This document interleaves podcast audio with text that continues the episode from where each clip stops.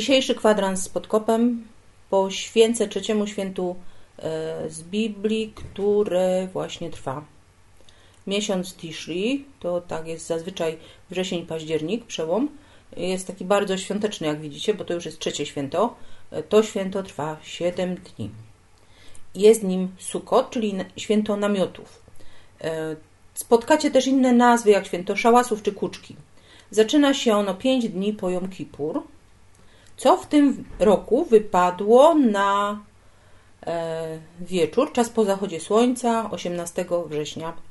Trwa 7 dni i zamyka się takim znowu świątecznym dniem, kiedy czyta, jest zakończenie cyklu czytania Tory, ale to już nie jest biblijne, to jest po prostu przylepione później nazywa się Simchat Tora. Wróćmy jednak do Sukot. W piątej księdze Mojżeszowej, w szesnastym rozdziale, od 13 znajdziecie takie, takie coś. E, będziesz obchodził święto namiotów przez 7 dni. Po zebraniu plonów z twego klepiska i tłoczni. W to święto będziesz się radował ty, twój syn, córka, sługa twój i niewolnica, a także lewita, obcy, sierota, wdowa, którzy żyją w twoich murach. Przez siedem dni będziesz świętować ku czci Pana, Boga Twego. W miejscu, które sobie obierze Pan, za to Cię błogosławi Pan, Bóg Twój, we wszystkich Twoich zbiorach, w każdej pracy Twych rąk i abyś był pełen radości. Tutaj e, przerwę na chwilkę. Chcę Wam zwrócić uwagę na jedną rzecz. Mm, jest to jedno z tych trzech świąt pielgrzymich, kiedy e, każdy Żyd był zobowiązany do pielgrzymki w czasie świąt, e, trwania tych świąt do Jerozolimy. Do świątyni, były tylko trzy takie. Pascha, y, święto Szewłot i Sukot. Mm, czytam dalej. Trzy razy w roku ukaże się każdy mężczyzna przed Panem Bogiem Twoim w miejscu, które sobie obierze, na święto prześników, na święto tygodni, na święto namiotów. Nie ukaże się przed obliczem Pana z próżnymi rękami, a dar każdego będzie zależny od błogosławieństwa Pana Boga Twego, jakim Cię obdarzył. Czyli każdy da tyle, na ile go stać, ile może. Innym fragmentem mówiącym o tym święcie jest y, Księga Kapłańska w werset 23. I tutaj mamy coś takiego. Przemówił Pan do Mojżesza tymi słowami: Powiedz synom izraelskim tak. 15 dnia tego siódmego miesiąca będzie przez siedem dni święto szałasów dla Pana. Pierwszego dnia będzie święte zgromadzenie, Żadnej ciężkiej pracy wykonywać nie będziecie. Czyli mają taki po prostu szabat. Przez 7 dni będziecie składać Panu ofiarę ogniową. Ósmego dnia będziecie mieli święte zgromadzenie i złożycie Panu ofiarę ogniową. Jest to uroczyste zgromadzenie, żadnej ciężkiej pracy wykonywać nie będziecie. Zauważcie, że tu znowu mamy ofiary ogniowe, to są ofiary ze zwierząt. E, jest tam później wyliczane, ile tych e, cielaków, ile mm, owiec ma być e, złożonych w ofierze. Więc jest to święto mm, w tej formie y, ma sens tylko wtedy, kiedy jest świątynia, bo składa się ofiary. To są święta Pana, które obwołacie jako święte zgromadzenie, aby składać Panu ofiary ogniowe, całopalne, z pokaru, mów rzeźne, z płynów, każdy w swój dzień. Lecz 15 dnia siódmego miesiąca, gdy zbierzecie plony, Obchodzić będziecie święto Pana przez 7 dni.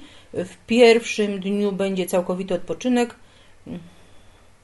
Dalej, w tym rozdziale czytamy coś takiego. W pierwszym dniu weźmiecie sobie owoc ze szlachetnego drzewa, gałęzie palmowe, gałązki z różnych drzew rozłożystych, zwierzby z nad potoku i będziecie się weselić przed Panem Bogiem waszym przez 7 dni. Będziecie je uroczyście obchodzić jako święto Pana przez 7 dni co roku. Jest to wieczna ustawa dla wszystkich pokoleń. W siódmym miesiącu będziecie je obchodzić, będziecie mieszkać w szałasach przez siedem dni. Wszyscy e, krajowcy z Izraela mieszkać będą w szałasach, aby wiedziały wasze przyszłe pokolenia, że w szałasach kazałem mieszkać synom izraelskim, gdy wyprowadziłem ich z ziemi egipskiej. Dwie rzeczy znowu ważne. Święto ma być obchodzone po wszystkie czasy i e, bierzecie sobie, tutaj są wymienione drzewka, e, gałązki i co i robicie szałas, no bo macie mieszkać w szałasach. Te szałasy są, mm, mają przypominać o tym czasie, kiedy e, byli na pustyni, kiedy byli całkowicie zależni od Boga. Zgodnie z nakazem Tory, więc święto Sukot. Jest to po prostu święto, w którym przez 7 dni Żydzi mają mieszkać w namiotach, mają składać ofiary Bogu, przyjść do Jerozolimy, ale też mieszkać w szałasach.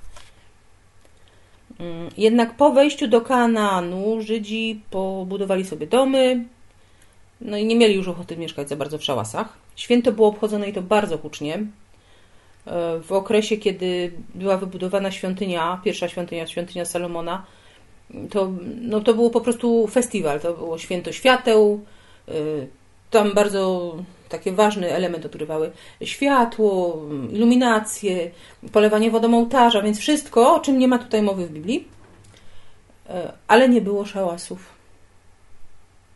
Nie mieszkali w szałasach. Y, ta część nakazu mm, wyleciała im po prostu z głowy. Skąd to wiemy? Y, Nehemiasz, rozdział 8. I znaleźli przepisy w zakonie, jaki Pan nadał przez Mojżesza, że w czasie święta w siódmym miesiącu synowie izraelscy będą mieszkać w szałasach i że należy ogłosić i obwołać po wszystkich ich miastach i w Jerozolimie. Wyjdźcie w góry i przynieście gałązki oliwne, gałązki sosnowe, mirtowe, gałązki palmowe oraz gałęzie z drzew liściastych, aby pobudować szałasy, jak jest napisane. Y, tu się zatrzymam na chwilę. Zauważcie, tu są wymienione też te gałązki, drzew oliwnych itd., tak itd. Tak jak jest napisane, wcześniej czytałam Wam y, ten fragment, że mają wziąć takie gałązki, takie, takie. I potem piszę dalej o tych szałasach, że mają zamieszkać w szałasach. To jest dosyć istotne, ponieważ y, Nehemiasz rozumiał to bardzo prosto. Mamy wziąć gałązki drzew i zbudować z nich szałas. Tak to rozumieli Żydzi e, starożytności, Żydzi w tym momencie w VI wieku, przed naszą erą. E, wracam do księgi Nehemiasza. Wyszedł więc lud i przyniósł i pobudowali sobie wszyscy szałasy, czy to na dachu, czy na swoich podwórkach, a także na dziedzińcach domu Bożego i na placu przy bramie wodnej i na placu przy bramie efraimskiej. Więc pobudowali szałasy i czytano księgi zakonu Bożego codziennie, od pierwszego aż do ostatniego dnia i obchodzono to święto przez siedem dni. Ósmego zaś dnia odbyło się uroczyste zgromadzenie zgodnie z prawem. Tak samo u y, Ezdrasza w ósmym rozdziale znajdziecie opis tego święta. Zauważcie, że przerwa w obchodzeniu tego święta to nie był rok, dwa czy dziesięć, jeżeli przyjmiemy, że Izraelici wchodzili do Izraela około 1400 przed naszą erą, czasy Nehemiasza Ezdrasza to jest rok 530 któryś, 900 lat. 900 lat nie świętowano jednego z trzech największych świąt nakazanych w Torze tak jak należało. A, a mamy na to dowód w księdze właśnie y, Nehemiasza, który pisze wprost, Y, całe tedy zgromadzenie, wszyscy, którzy powrócili z niewoli, pobudowali sobie szałasy i mieszkali w szałasach, czego synowie izraelscy nie zrobili od czasów niozłego syna Nuna, aż do tego dnia. To też zapanowała wielka radość. Później, y, tak, budowano szałasy, ale i tak większą uwagę, póki istniała świątynia, przykładano do tych wszystkich obrzędów około świątynnych. I nie mówię tutaj o ofiarach nakazanych przez Tory, ale e, iluminacji świateł, e, prze, polewania ołtarza, przynoszenia tej wody z sadzawki. Mm, to było treścią tego święta. Owszem, szałasy były, ale e, gdzieś już w tym czasie mm, zaczęto, przerobiono szałasy na mm, taką wiązkę, która przypomina trochę palmy wielkanocne nasze. E, które znacie z Polski, bardzo ozdobne.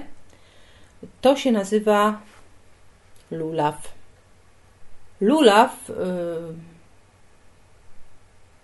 składa się z czterech gałązek: wierzbowej, mirtowej, palmowej i z owocu strogu. Więc jakby wykorzystano te, te drzewa wymienione w kapłańskiej i u Nehemiasza. Bardzo dużą wagę przykłada się w tej chwili do tego, czy palma jest rozbita, czy nie, czy jest doskonała i tak dalej. Związano je i powstał y, ten, taka, ta taka wiązanka plus ta cytrynka, bo estrok to jest taka właściwie odmiana cytryny. Więcej jest skóry niż owocu, o której w ogóle Biblia nie wspomina. I po zburzeniu świątyni właściwie e, szałasy zeszły na plan dalszy, owszem, gdzie niegdzie budowano je. Dzisiaj szałasy e, buduje się, tylko najczęściej nie są to szałasy. Przypomina to bardziej altanki, e, altanki na dworze, w których stoi stół i krzesełka i tam się zjada posiłek, bo nakaz rabinów jest taki, żeby przynajmniej jeden posiłek zjeść, a altanka ma mieć trzy ściany i dziurawy dach. Nic takiego w Biblii nie ma. W Biblii macie szałas, taki jak w jakich mieszkali, e, gdy byli wyprowadzeni z Egiptu. Fakt faktem, że ortodoksyjni Żydzi starają się budować takie e, szałasy, szopy, namioty, różnie to wygląda, zwłaszcza w tych krajach, gdzie jest cieplej, i mieszkać w nich. Mieszkają, śpią, czytają Torę, jedzą, starają się jak najwięcej rzeczy robić przez te 7 dni w tych szałasach. Ale większość Żydów y, zmieniła te szałasy na takie altanki. Y, buduje się je z przeróżnych materiałów, z dykty, z płótna, z gałęzi. Są czasem przyozdobione, tak jak nasza choinka y, bożonarodzeniowa. Jakieś łańcuszki, świecidełka. No, wygląda to czasami ładnie, czasami nieładnie. Wszystko rzecz gustu, oczywiście i przyzwyczajenia, bo pewne tradycje wydają nam się ładne, bo są nasze, takie najbardziej nasze. Jest to w każdym razie bardzo rodzinne święto dla Żydów. Starają się być razem, starają się być rodzinnie żyć wtedy. Y, te wspólne posiłki, przynajmniej ten jeden dziennie posiłek wspólny, to jest takie no fajne. Fajna tradycja, tylko że to już nie jest to mieszkanie w szałasach, które właściwie tylko część Żydów ortodoksyjnych kultywuje, E, szałasy są zbudowane nie z tych wymienionych w Biblii e, drzew, gałęzi drzew, ale z różnych materiałów, a opis, który jednoznacznie zinterpretował Nehemiasz jako materiał budulcowy, zmieniono w taki wiecheć, który mówię Wam, przypomina naszą palmę. To są cztery, trzy gałązki plus estrok związane, wszystko jest to bardzo ładnie związane. No, ja widzę bardzo duże podobieństwo, chociaż y, lulaw jest starszy, ma starszą tradycję niż y, palmy wielkanocne, więc jeżeli coś od czegoś wzięło swoje, zaczerpnęło, to raczej y, ta katolicko-prawosławna tradycja zaczerpnęła z żydowskiej. Co Żydzi robią jeszcze w to święto? Bardzo dużo czytają tory i modląc się, machają tym lulawem mm, w określony sposób. I tu znowu ortodoksi się kłócą, w której ręce ma być trzymana cytrynka, w której gałązka, y, jak machać, w którą stronę. Mm, to jest wszędzie. Zobaczcie, jeżeli tworzy się religia, czyli obrzędy, kult, powstają grupy, które uważają za ich rację za najmojsze i jedyne prawdziwe i potrafią się kłócić, tłuc, nawet czasem zabijać. Niezależnie od tego, jaka to jest religia.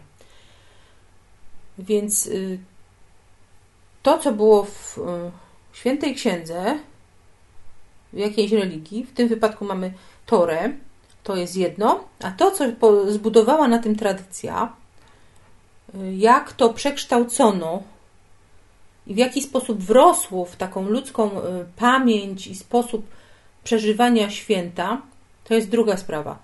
Y, często jest to takie skrzywienie, że ludzie już nie potrafią myśleć samodzielnie. Religia, ta cała nadbudowa kultowo-tradycyjna, obrzędowa, y, zasłania im obraz tego, w co naprawdę wierzą i co naprawdę według nich samych Bóg powiedział. Mamy tutaj Torę. To samo jest w chrześcijaństwie. To nie jest tak, że W judaizmie zostały te święta tak wykoślawione.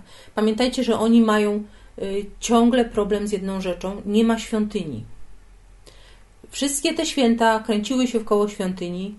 Y, bardzo ważną częścią tego wszystkiego były ofiary. Często ofiary, właściwie zawsze ofiary ze zwierząt. Bez tej świątyni te święta są cieniami. W tej chwili święta y, szałasów pozostały w zasadzie szałasy, w których mają mieszkać, pamiętając czas y, przebywania na pustyni, kiedy Bóg ich prowadził. Bardzo ciekawy fragment związany ze świętem szałasów jest w księdze Zachariasza. Zachariasza, rozdział 14, od 16. Wszyscy ci, którzy ocaleją, spośród wszystkich ludów biorących udział w wyprawie na Jerozolimę, rokrocznie pielgrzymować będą, aby oddać pokłon królowi Panu zastępów i obchodzić święto namiotów. A te z ludów ziemi, które nie pośpieszą do Jerozolimy oddać pokłon królowi Panu zastępów, będą pozbawione deszczu. I jeśli lud Egiptu tam się nie wybierze i tam się nie pokaże, spadną na niego nieszczęścia, jakimi Pan doświadczy narody, które nie przyjdą na obchód święta namiotów. Tak więc kara spotka Egipt i wszystkie narody, które nie pójdą na święto namiotów. Wówczas nawet na dzwoneczkach koni umieszczą napis poświęcony Panu, a kotły w domu pańskim będą jak kropielnice przed ołtarzem. Będzie taki czas, gdy wszyscy będą pielgrzymować. Najpierw będą walczyć z Jerozolimą, a później będą pielgrzymować na święto namiotów. Będzie to błogosławieństwo, jeżeli tam pójdą. Tutaj jest wiele teorii, zwłaszcza specjaliści od końca świata różnie to interpretują. Ja powiem szczerze, że nie wiem, ale dla mnie walka z Jerozolimą trwała właściwie od 70 roku. Potem macie zniszczenie po powstaniu Barkochby. E, potem kolejne, to co zrobili z nią e, muzułmanie, potem niestety krzyżowcy. Różne historie się tam działy, a jednocześnie e, wszystkie nacje się tam pchają i uważają, że jest to w jakiś sposób ich miasto. Może ma się to literalnie wypełnić, nie wiem. Dla mnie to się wypełnia w ten sposób, że wszyscy uznają to za miasto święte, miasto e, swojego Boga. Tam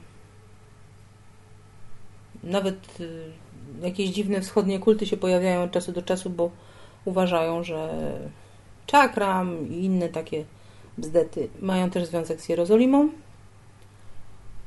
Wiem za to, że święto namiotów, ten czas, kiedy mamy pełną świadomość tego, że wszystko, co tutaj mamy, jest przejściowe i że jesteśmy w wędrówce. Jest takim świętem bardzo dającym do myślenia. Jeżeli się go nie zmieni w tradycję, czyli budujemy w ogródku altankę, stawiamy stół albo co gorsza machamy wiązką i cytryną, to, to święto można naprawdę e, głęboko przeżyć i może dać do myślenia, bo zastanawiamy się nad tym, co, dlaczego i co nam jest tak naprawdę potrzebne w tej wędrówce przez życie. No to jest jedno z tych świąt w każdym razie, które ja bardzo lubię. Dam Wam na dole kilka linków, zobaczycie jak wyglądają suki, czyli te namioty, jak wyglądają altankowate i jak wygląda ta gałązka lulawu. To by było na tyle. Kolejne święto, może nie tyle biblijne, tak wprost, a związane z apokryficzną księgą machabejską i z wydarzeniami, jakie opisuje, zacznie się o zachodzie słońca 27 listopada. Będzie to Hanuka. O tym święcie, jego genezie, znaczeniu i tego, jak, tym, jak się je obchodzi dzisiaj, opowiem tuż przed jego rozpoczęciem. W pierwszym odcinku po wakacjach prosiłam Was o podanie tematów, o których chcielibyście, bym opowiedziała na odwyku. Odzew był zerowy, no dosłownie zerowy. Y, nie chcę dublować tematów z podkopu, czyli archeologii biblijnej, ani prowadzonej na www.kwadranspodkopem.com serii o historii chrześcijaństwa, doktryn, dogmatów. Nie, nie ma to sensu dla mnie. Chciałam mówić tutaj o czymś innym. Y, czymś związanym z historią, może z archeologią, może, y, może z teologią, może z historią doktryn, ale no, po prostu y, zero. Zero, nikt mi nie podrzucił żadnego tematu. Sądząc po znikomej ilości komentarzy do odcinków zaproponowanych przeze mnie i tej tematyki, takiej trochę żydowskiej, też Wam nie podeszła. No cóż, widocznie treści, które chcę Wam przekazać, albo sposób, w jaki je przekazuję, albo jedno i drugie, nie są kompatybilne z formą odwyku. Lubię kończyć to, co zaczęłam, więc dla tej grupki, która e, słucha serii o świętach biblijnych, pojawię się tu jeszcze kilka razy. Do usłyszenia w najbliższe święto, Hanukę. E, wszystkich, którzy mnie słuchali i chcą słuchać dalej, dziękuję i zapraszam do lektury podkopu www.podkop.com, strony poświęconej archeologii biblijnej oraz na www.kwadranspodkopem.com dla zainteresowanych może nie zupełnie archiwum X chrześcijaństwa, ale sprawami trochę przemilczanymi, pomijanymi, y, które miały wpływ na ukształtowanie tradycji, doktryn i dogmatów. Do usłyszenia.